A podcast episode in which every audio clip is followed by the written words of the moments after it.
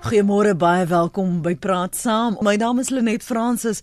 Die vakbond Nahau sê hy sal skroom om met 'n volskaalse staking te begin indien die loononderhandelinge in die staatsdiens misluk nie. En hulle het onder meer die minister van staatsdiens en administrasie, Jan Rondloro, daarvan beskuldig dat sy die onderhandelinge van voor af wil laat begin. Vanoggend op praat saam kyk ons na die staatsdiens loononderhandelinge, wie die rolspelers is en waar lade die regering en die gevolge as daar nie 'n ooreenkoms bereik word nie. Ons gaste vanoggend is Theo Venter, 'n politieke ontleder verbonde aan Noordwes Universiteit se besigheidskool. Goeiemôre Theo, welkom. Môre net. En ons gesels ook vanoggend met Leon Gilbert. Hy is die assistent hoofbestuurder kollektiewe bedinging by SPSA's Public Service Administration. Môre ook aan jou Leon, welkom. Goeiemôre Lenet. Um dit is PSA Public Servants Association. Servants Association. Baie dankie ja. ek sal dit onder Jody se aandag ook bring. Kom ons praat oor waar die onderhandelinge tans dan staan. Leon net ook as agtergrond vir ons luisteraars asseblief. Ehm um, Lenet salarisonderhandelinge het begin in September Oktober verlede jaar.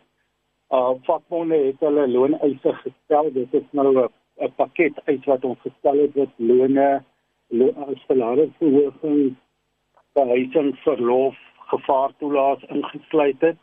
Die werkgewer was baie stadig om met die blokke uit te kom.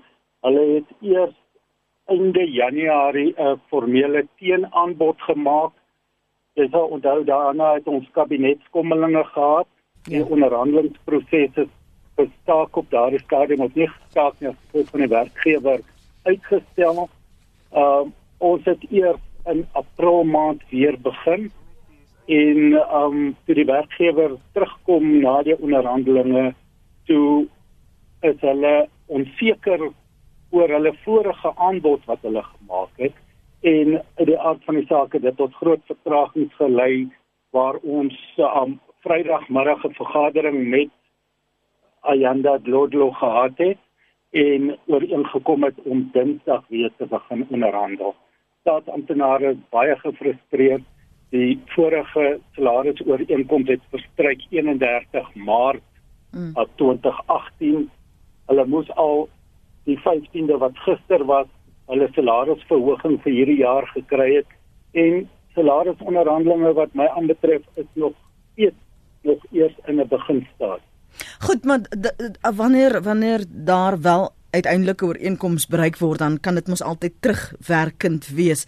Waaraan laat ons ook redelik wees waaraan skryf julle hierdie frustrasies toe? Ons moet ook onthou daar was oorgange daar was uh, sekere mense wat nie seker was of hulle nog in die poste gaan bly nie en het nie werklik bedingings mag gehad uh, namens die regering Leon. Ek uh, dit dit dit hang af hoe jy hierdie ding of uit hoe watter hoek uit jy na kyk.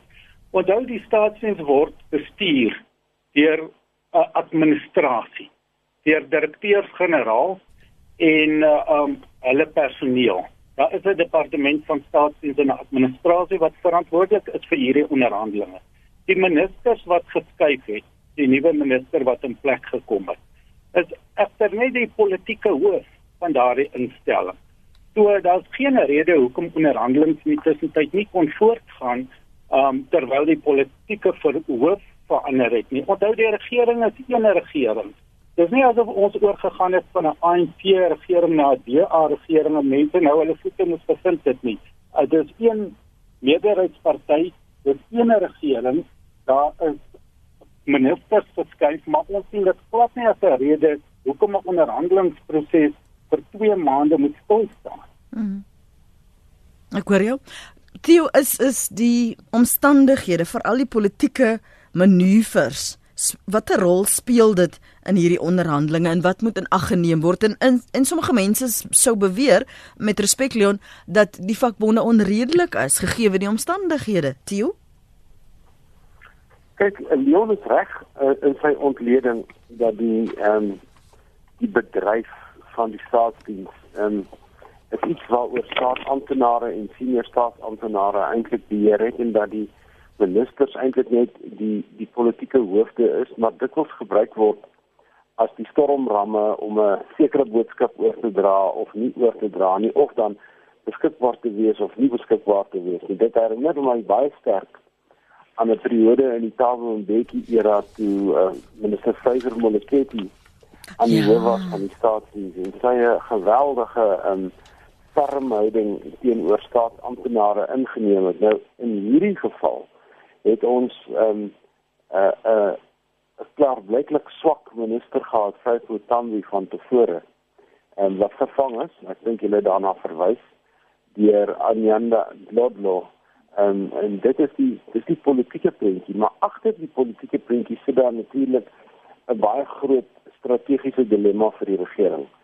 Die huidige begroting is onder baie groot druk. Deels van wie ehm um, die geld wat gesoek moet word om uh hoër onderwys te finansier, um, wat uit die uit die politieke omgewing uitkom in die ANC en deels van wie 'n baie swak uh inkomste prestasie van SARS wat van tevore um, baie goeie werk gedoen het met die laaste jaar of twee wat glip het. En een van ons grootste probleme in die staatsdiens op die oomblik in terme van die hele uh, volkshuishouding kan dit amper sê is die omvang van van ons staatsdiens die staatsdiens um, neem uh, van ons begroting op omtrent 35% van ons begroting as jy jou somme behoorlik gaan maak dan neem dit 'n uh, geweldige en as jy dit uitdruk as 'n persentasie van die internasionale produk is dit 14%. En ons het by verskeie kere al gewaarsku dat ons staatsdiens te groot. Ja. Ons staatsdiens is te oneffektief. En ek dink dis die dilemma wat die staatsamptenare het in hulle onderhandelinge dat hulle ek dink hulle is geregtig op die persentasies waaroor hulle vra, maar die groter prent is die land se ekonomie en die staatsdiens is te groot. Mm. En dit is baie moeilik om onder daai omstandighede te onderhandel.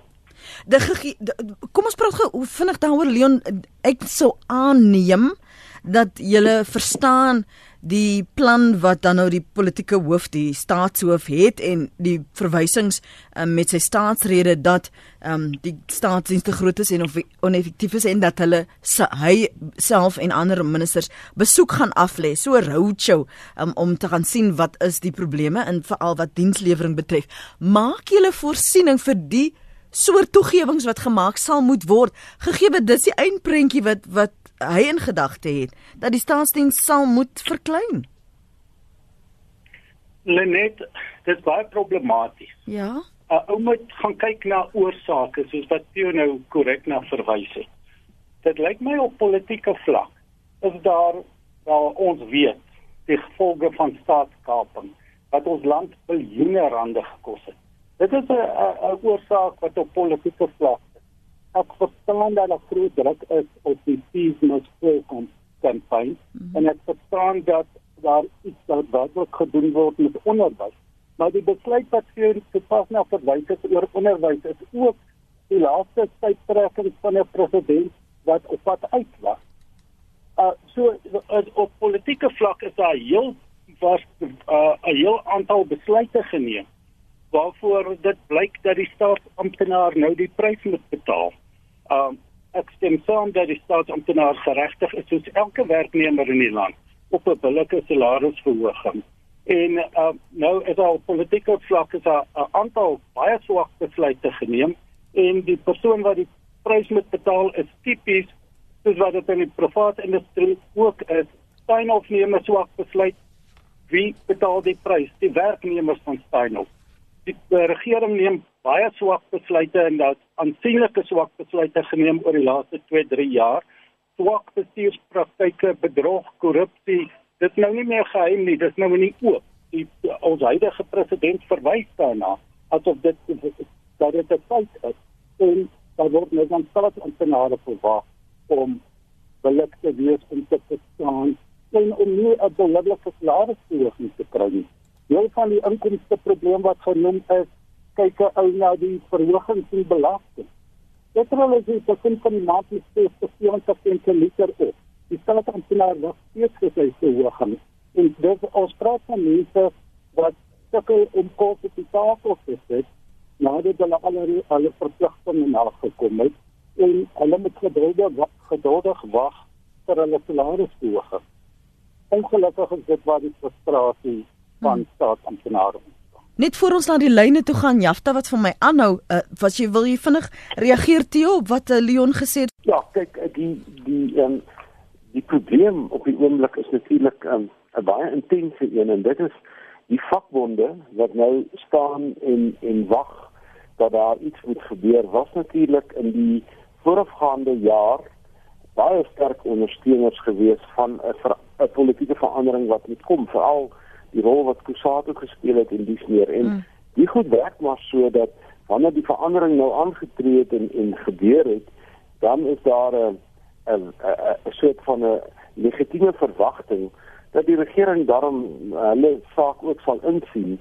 En ek dink op die politieke vlak gaan hierdie ding nog baie interessant uitspeel. En die staatsamptenare het natuurlik 'n redelike hou vas op die effektiwiteit van die regering en as hulle uh hulle diens onttrek vir 'n week of 'n maand of hulle gaan op 'n sluitstaking, het dit baie groot nadele. So ek dink daar's mag aan weerskante van hierdie tafel. Hmm. Hier sê 'n luisteraar Um, ek het die saak verkeerd verstaan. Ek dog nog die hele tyd die staatsdiens is op 'n staking.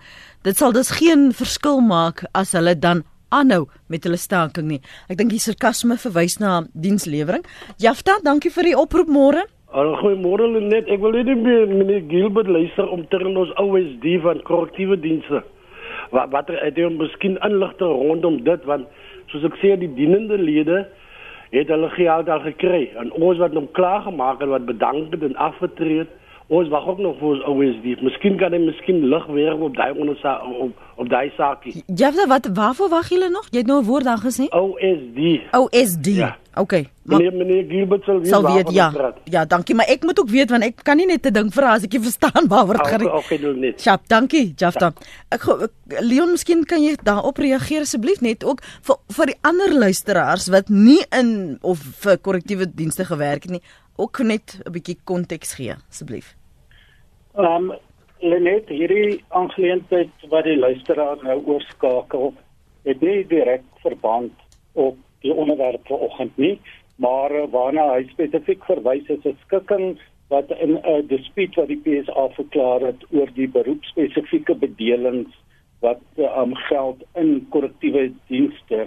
Ons het wel uh, waarskynlik hier in April en Mei maand laas jaar 'n skikkingsooreenkoms met die werkgewer behaal oor daardie spesifieke dispuut en uh, um die die laaste wat ons van die werkgewer en opsigte van voormalige amptenare gehoor het is dat hulle baie sukkel om inligting um uit die voormalige amptenare te kry sodat hulle hulle betalings kan doen die werkgewer is besig met die betalings en hulle is bereid om die betalings te doen. Mm. So dalk moet die luisteraar net met die PSA, sy voormalige PSA lid is, kan hy met die PSA se kantoor skakel, klink vir my na in Kaapstad en ons sal hom te help wees om seker te maak sy betaling word.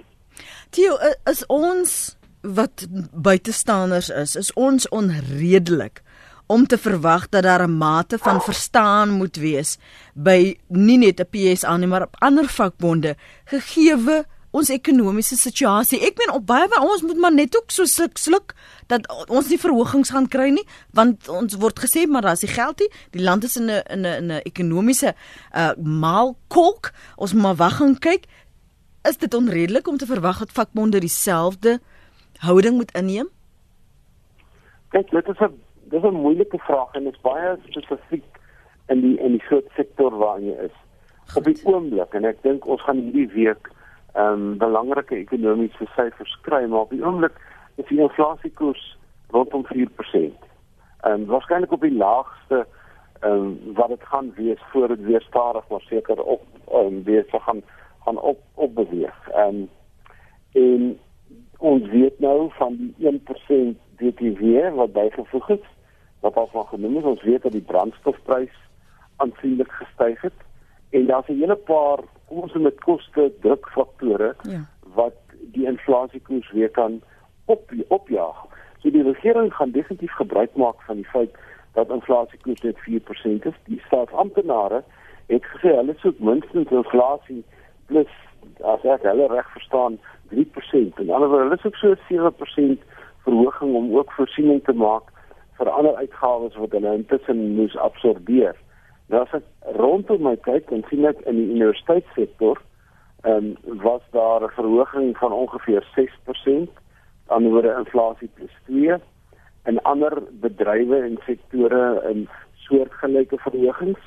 Ehm um, en um, ek het 'n idee dit is waarskynlik waar um, ons ook 'n soort van 'n ehm um, uh, soort van hulle mekaar gaan vind oor hierdie goed, maar dit is so dat daar is kostedrukfaktore, maar daar is ook faktore wat wys dat inflasie nie so hoog is nie en minstens beter onder beheer is as 'n jaar of twee gelede. En dit bring my by die beskuldiging uh, van die vakbonde uh, Leon dat die minister van staatsdiens en administrasie Jan dit Loro dat sy die die onderhandelinge van voor af wil laat begin. Waarom kry julle daardie indruk? Um net ongelukkig was dit die geval gewees waar die werkgewer teruggekom het. Kan ek nou sê nadat die nuwe regering in plek gekom het onder dieselfde party om 'n swakker aanbod op die tafel te sit as die aanbod wat hulle op 26 Januarie op die tafel gesit het. Aansienlik swakker. Dit is asof hulle hulle asof hulle eenkant gestaan het en hulle die vorige aanbod wat hulle self gemaak het verwerp het en uh, dit het baie frustrasie veroorsaak.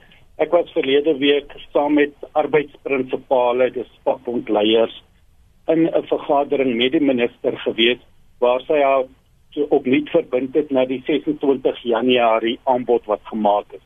In die aard van die saak, dit is slegte salaris aanbod van die werkgewer ons uh, looneis verskil nie vrek baie van die salaris aanbod nie, maar ons looneis is hoër en gaan onderhandelinge nou werklik môre eers vir die eerste keer weer um op op dreef kom En uh, dit is wat die die frustrasie by die vakbonde en by staatsamptenare veroorsaak het.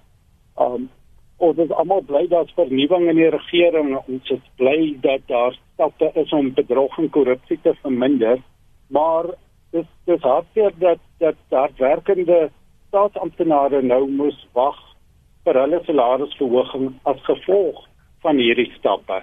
Um ek is hoopvol dat die onderhandelinge nou in erns gaan begin. Dit is baie hartseer om in April maand te verwys na onderhandelinge wat begin. Ja. Onthou ons onderhandel met die werkgewer met die doel om die begroting vir die jaar te beïnvloed. 'n Begroting wat al in Februarie gelees is. So die die PSA en uh, vakbonde word nou gekonfronteer met 'n begroting wat reeds vasgestel is 'n maksimum bedrag wat reeds vasgestel is en onderhandelinge word nou verlaag tot hoe gaan ons die koek verdeel eerder as wat die grootte van die koek gaan wees. Dit is die rol van 'n vakbond en dit is die rol van georganiseerde werknemers om die grootte van die salaris of die grootte van die bedrag geld beskikbaar vir salarisverhogings te bepaal.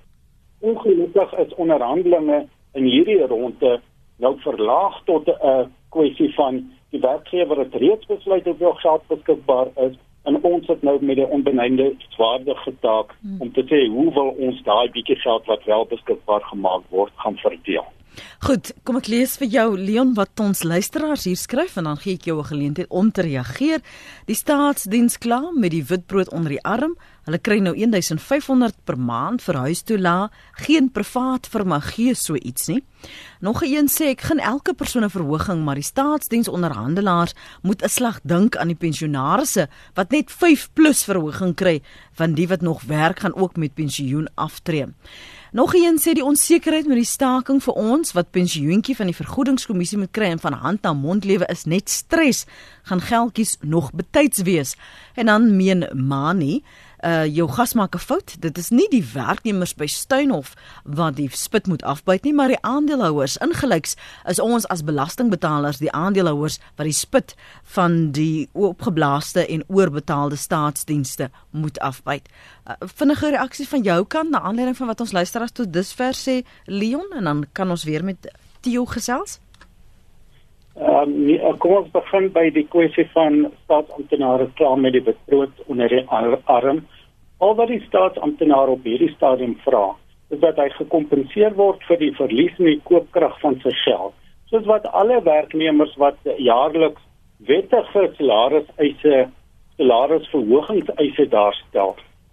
Selfs as hy as hy verbruikersprysindeks 4.1% of slegs 4.1% is, beteken dit dat 'n staatsamptenaar enige werknemer wat nie 'n verhoging kry nie, hierdie jaar 4.1% minder kan koop met sy geld. Ons rol en ons plig is om seker te maak dat dit reggestel word. Hierdie jaar sien 'n eie situasie waar die VPI dalk 'n laagsyfer is, maar daar daar baie administratiewe verhogings is. Ons praat van skoolgelde, ons praat van um brandstofgelde, ons praat van belasting wat alles wat ons nou koop, buite 'n paar uitgesluite itempies. Is betaal mense 1% meer voor as wat hulle in Maart maand betaal het daarvoor. En die aard van die saak het dit 'n impak op mense se inkomste as hulle vandag effektief 4 tot 6-7% armer as wat hulle jaar terug was. Dit wil sê hulle kan minder met hulle geld koop en ons wil daardie regstelling te Amerika uh, wil ons net bewerkstellig. Dit is as van mening dat dit meer as 'n redelike eis is om te stel. In opsigte van die pensionaarsse, ons stem saam. Um pensionaarsse kry swaar. Uh uh, en as ek die die Steinhoff vraag met hierdie vraag kan kombineer in die land die Steinhoff debakel die mense wat die swaarste kry as gevolg van die Steinhoff um bedrog korrupsie is pensionaarsse want dis mense wat geld belê het indien dit direk of indirek deur hulle pensioenfonde by organisasies so Steinhoff en die mense wat wat die swaarste kry as gevolg van hierdie tipe van van um uh, gebeure is pensionaarsse. Die PSA het 'n pensionaarsse tak. Ons het elke jaar beklei ons hard met die werkgewer om seker te maak dat die verhoging van pensionaarsse ook tred hou met inflasie. Ons kan uh, rapporteer dat alhoewel slegs 5% dat die pensionaarsse inflasie se verhoging hierdie jaar in lyn was met inflasie. Ons is nie gelukkig oor 5% nie. Die PSA se standpunt is dat ons kan seker maak dat die PIC, die open, openbare beleggingskorporasie, pensionaarsse se geld so effektief belê dat kan verbeteringe in die voordele van pensioentrekkers en ek verwys spesifiek na staatsdienspensioentrekkers kan kry dan is dit 'n wen-wen situasie. Op hierdie stadium die, is die regeringsdienspensioenfondse benadering. Ons wil net seker maak dat ons wel die huidige verpligting teenoor mense in die pensioenfonds kan nakom. Ons sê belê die mense se geld, dit 1.6 trilljoen rand. Onthou wat staatsdienspensionaars te verdien het wat namens hulle in die pensioenfonds inbetaal het. Gedeelte deur hulle self betaal is gedeelte deur die werkgewer betaal het, belê hierdie geld ordentlik, soos wat ander pensioenfonde kan doen, dat die opbrengs uit die beleggings na die pensionaars toe kan gaan. Dit is dit dit dit, dit is die PSA se respons op mm. pensionaars en die pensioen. Ja, beskryf die regering as dit net mag klaarmaak net indien die regering minder geld vermors deur swak bestuur, bedrog en korrupsie, sal meer geld beskikbaar wees vir maatskaplike pensioene ook en sal maatskaplike pensionaarsse ook beter as die as die werklik werklik hongerlone wat hulle ontvang kan kry. Dankie Leon vir daardie uh, antwoorde. Japie skryf 'n staking deur staatsamptenare gaan nie veel van 'n verskil maak nie. Hulle opbrengs, hulle werkgelewer is oor die algemeen maar pateties. Hulle werk hulle beslis nie mors dood nie. En ek het van die ander uh, terugvoer tot dusver ook gelees en in help my Theo dit klink nie asof die persepsie, kom ons stel dit so die persepsie is asof daar nie veel simpatie is vir uh, die vakbonde spesifiek met hierdie tipe bedinging op die oomblik nie. Hoe beïnvloed dit daardie inplak die mag wat hulle het, die bedingingsmag tydens samesprekings veral met 'n dreigement soos um, ons sal dan maar moet staak en meer ontwrigting skep. Um dit dit genereer nie simpatie nie of of om te verstaan waardeur ehm um, wat wat Leon nou sopas geskets het nie. Ja, ek dink die luisteraars moet so bietjie meer genuanceerd wees as hulle oor die staatsdiens dink. Ons praat van ongeveer 2,7 miljoen mense uit die uit 'n werksmag van 11 tot 12 miljoen Suid-Afrikaners wat wel werk het. En so dis 'n dis 'n groot klomp mense. En en daar is geweldige um klomp spesialiste onder hulle. En ons praat oor drie vlakke van regering en ons praat van spesiale regeringsinstansies wat wat baie baie goeie werk doen. So ek ek sal nooit met 'n breë kwas en oor die staatsdiens verf en sê almal is swak of almal is lui of selfs tog nie kies die grapie maak van ons het nie geweet hulle werk nie. En baie keer is die werk wat hulle doen is onopsigtelik en dit gebeur in elk geval 'n mens uh, byvoorbeeld kom ons dink aan waterwese. Wie meet elke dag die vlakke van die damme of hoe vol is die riviere of watter kleppe word oopgemaak en toegemaak? Nou ek ek pleit 'n bietjie vir genuanceerdheid maar ek dink ook daar is geweldig baie oortolligheid in die staatsdiens en ek dink die staatsdiens en vakbonde weet dit en ek dink hulle kan hulle kan self um, natuurlik ook met voorstelle kom. Dit sou dit sou ek um, graag wil aanbeveel en ek dink hulle moet uitwys waar die vrotkolle is en ek dink Leon het in 'n sin reeds oor een van die vrotkolle gepraat in my oë en dit is die openbare beleggingskoöperasie. Ek dink hulle kan in hierdie onderhandelinge die openbare beleggingskoöperasie so klein bietjie meer aanspreek oor hulle onverantwoordelike beleggings hm. met eintlik staatsamptenare se geld en dan twee laaste punte. Omtrent 70% van alle staatsamptenare behoort aan een of ander vakbond. So in terme van vakbond penetrasie is dit baie hoog en dit is nie dieselfde in ander bedrywe nie. So die staatsdiens kan en ferm optree as hulle moet. En dit is 'n gegewe. En hulle het dit in die verlede ook al gedoen. En die tweede punt en dit is 'n bietjie van 'n siniese punt en dit is dit is in die regering se belang om 'n redelike verhoging aan staatsamptenare te gee. Waarom sê ek dit? Want hulle kry omtrent 20% daarvan weer terug in die vorm van belasting. So die die salarisverhoging wat staatsamptenare kry, is in 'n sekere sin geld wat omgerol word en wat die regering weer kry by wyse van belasting en ander soort eise wat hy kry. So hier is ook 'n soort van 'n finansiële speletjie wat hier gespeel word. Hmm. Dio, wat is die wat is anders in die, in in wat hoe verskil die onderhandelinge wat ons in die staatsdienssektor sien van 'n uh, werklikhede in onderhandelinge in die privaat sektor want 'n luisteraar skryf hier vir my.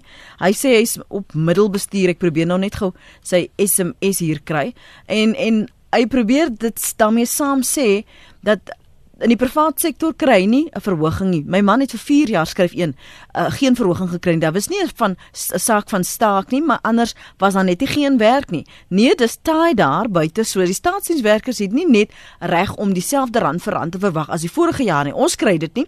Almal raak stelselmatig armer. Ek persoonlik werk vir myself en ek kon nie 'n verhoging in my tariewe vir die laaste 3 jaar aanbring nie en ek sou geen kliënte dan oorhou nie. En die middelbestuur persoon se uh, ek is 'n middelsbestuur hierso sit uh, in die konstruksiebedryf en hoewel my salaris nie te sleg is nie, het ek die jaar slegs 2% verhoging gekry. Ek moes maar net stil bly en aanvaar uh, wat die situasie is. So hoe hoe is dit anders? Kyk, ek dink um, dit is dis wêreldwyd dieselfde dat die staatsamptenare is gewoonlik goed georganiseer en daar is 'n sekere proses of hulle jaarliks onderhandel of hulle twee jaarliks of drie jaarliks onderhandel. Hulle onderhandel gewoonlik as 'n groot kollektiewe eenheid en hulle het natuurlik uh, 'n uh, baie sterk houvas want hulle base is die politici. En die politici is in 'n baie moeilike posisie ten opsigte van ehm um, wie hulle wat, wat is die politici eintlik? Die politici is mense wat verkies word demokraties in die meeste gevalle en dan eintlik met belastinggeld wat niks anders nie as kragtgeld die land namens ons bestuur. Dit is dis hoe die vakbonde se basis lyk. In die private sektor lyk dit heeltemal anders. Jou jou jou hoofde is gewoonlik 'n direkte hoof of jy werk vir jouself of daar is 'n aandeelhouer die die vir die lyne tussen bestuur en werker is korter. Daar's 'n meer direkte produk soos byvoorbeeld in vervaardiging of die boubedryf of in die dienste sektor wat jy kan wys my werk het daai soort inkomste. Die staatsdiens is 'n diens en dit veroorsaak dat dit heeltemal anders lyk. Die enigste deel van die staatsdiens wat ek dink wat funksioneer soos die private sektor, sou die staatsondernemings wees. En daardie is natuurlik ook 'n voordeel op die oomblik in ons in ons um, in ons hele um, werksmag. Maar ek dink um, staatsdiensonderhandelinge het nogal wêreldwyd dieselfde soort prentjie wat hy voorhou. Kom ons hoor gou wat het Andre op die hart. Dankie vir die bel daar vanuit die Kaap. Andre, môre. Goeiemôre aan julle. Kyk, uh, die statistiek sê dat ons transamptenare verdien meer as almal uh, oor see. Hulle verdien meer aan ons almal in die private sektor gaan nie nou verhoging kry nie. Ons moet dan maar die hoër petrol prys betaal. Ons moet dan maar die inflasiekoers betaal want ons moet maar gordel stywer vastrek. Die staatsamptenare wat klaar te veel is, verdien al klaar meer as die private sektor. En ongelukkig verdien hulle dit nie. Dit is tyd dat, dat die regering nou alle salarisse vries vir ten minste 'n jaar tot ons finansies van die land kan verbeter. Wat van die miljoene mense wat nie eens werk het nie? As jy vandag gewerk het, moet jy dankbaar wees en nie kla jy wil maar meer geld hê nie. Ek dink hulle verdien dit nie. Dankie. Goed, dis Andre se mening. Ek moet vir jou sê Leon, baie van die luisteraars het nie veel simpatie nie. Ek ek spaar julle en die ander luisteraars maar met die met die kritiek en is nogal heel vel want baie sê die staatsdiensamptenare moet leer om verantwoordelikheid te neem vir die situasie en dat jy nie kan verwag gegee die ekonomiese omstandighede dat jy net kan kry wat jy vra nie. Ehm um, ja, Lenet, ek dink ons ons moet waak daarteen om hierdie nie 'n kompetisie te maak tussen die private sektor en die staatsdiens nie. Die beginsels wat ek aanspreek is algemene beginsels en dit is beginsels wat uh, van toepassing is op almal. Ons moet vra waar het die huidige politieke krisis vandaan gekom? Die politieke krisis waarin ons vandag in se al die ekonomiese krisis meer spesifiek waarin ons vandag sit, is 'n krisis wat uit swak politieke bestuur uitgekom het. Uh, ek dink ons moet ons moet net nie daardie punt verloor nie. Die beginsels wat ons aanspreek van alle werknemers in hierdie land is geregtig op billike salarisverhoging. Vir my interessant en ek wil nie oor die private sektor praat nie want ek uh, organiseer nie in die private ja, sektor ja. Maar daardie selfde werknemers wie vir wie daar hierdie jaar in die private sektor nie geld is vir salarisverhogings nie. Hulle aandeelhouers lewe nog altyd baie goed. Hulle aandeelhouers koop nog altyd nuwe karre en nuwe huise en gaan nog altyd oorsee. Ons ons ek neem nie almal verantwoordelikheid vir dieselfde ekonomiese se probleme wat ons het nie. Ongelukkig in die private sektor is dit die werknemer wat die spit moet afbyt. Ek ek wil ook net noem, daar's 'n heel paar goed gesê voor voor vandat ek laas gepraat het. 'n staking deur staatsamptenare sal uit die aard van die saak 'n hele laaste remedie wees wat ons sal toepas. Wat mense vergeet is as 'n werknemer vir 'n week lank staak, dan verloor hy 2% van sy hele jaar se inkomste. Stakings gaan gepaard met geen werk, geen betaling. So dit is nie asof ons ligtelik besluit ons wil gaan staak om die werkgewer of om die publiek te straf nie staking word deur werknemers en word deur die staatsdiens toegepas as 'n laaste remedie om seker te maak dat billikheid teenoor hulle geskied. My antwoord aan die persone in die private sektor is organiseer julleself. Daar is baie goeie vakbonde in ons federasie en Fedusa. Sluit aan by sulke vakbonde word die sterk werkersbasis soos wat Theo verwys het wat ons in die staatsdiens het. Organiseer julleself maak seker dat jy 'n billike bedeling kry soos wat ons verwag dat die staatsdiens ook 'n billike bedeling kry.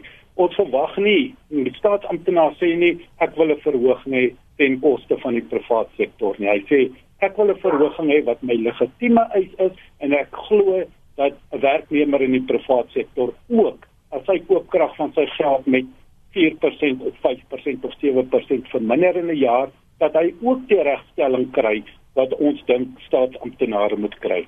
Ek dink ons moet vir mekaar sê is 'n uh, 'n suksesvolle ekonomie word gebou op 'n stabiele staatsdiens. En indien ons nie 'n stabiele staatsdiens het nie, dan gaan ons sukkel om hierdie ekonomie te bou.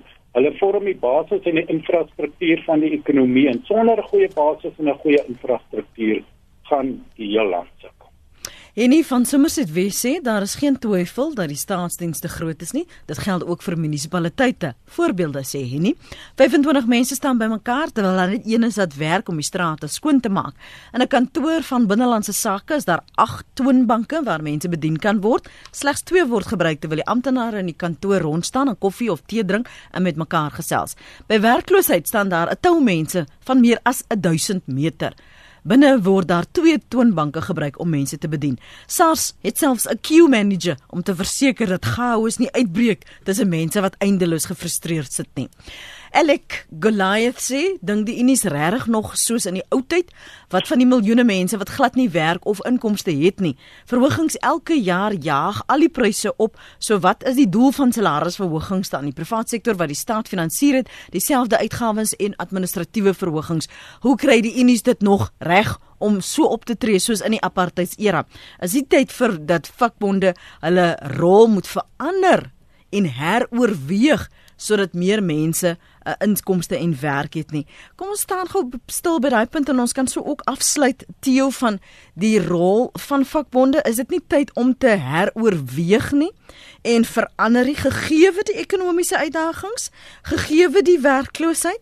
Jy het net oor gepraat van ons omtrent 2.7 miljoen mense wat in die staatsdiens is, 70% wat al reeds georganiseer is aan 'n in 'n in 'n vakbond behoort. Um, is dit 'n bietjie te dik vir 'n daalder om te verwag dat hulle 'n bietjie moet gee en neem, uh, uh, veral in 'n demokrasie, veral waar sommige mense tog glo, sommige van hierdie vakbonde het te veel bedingingsmag.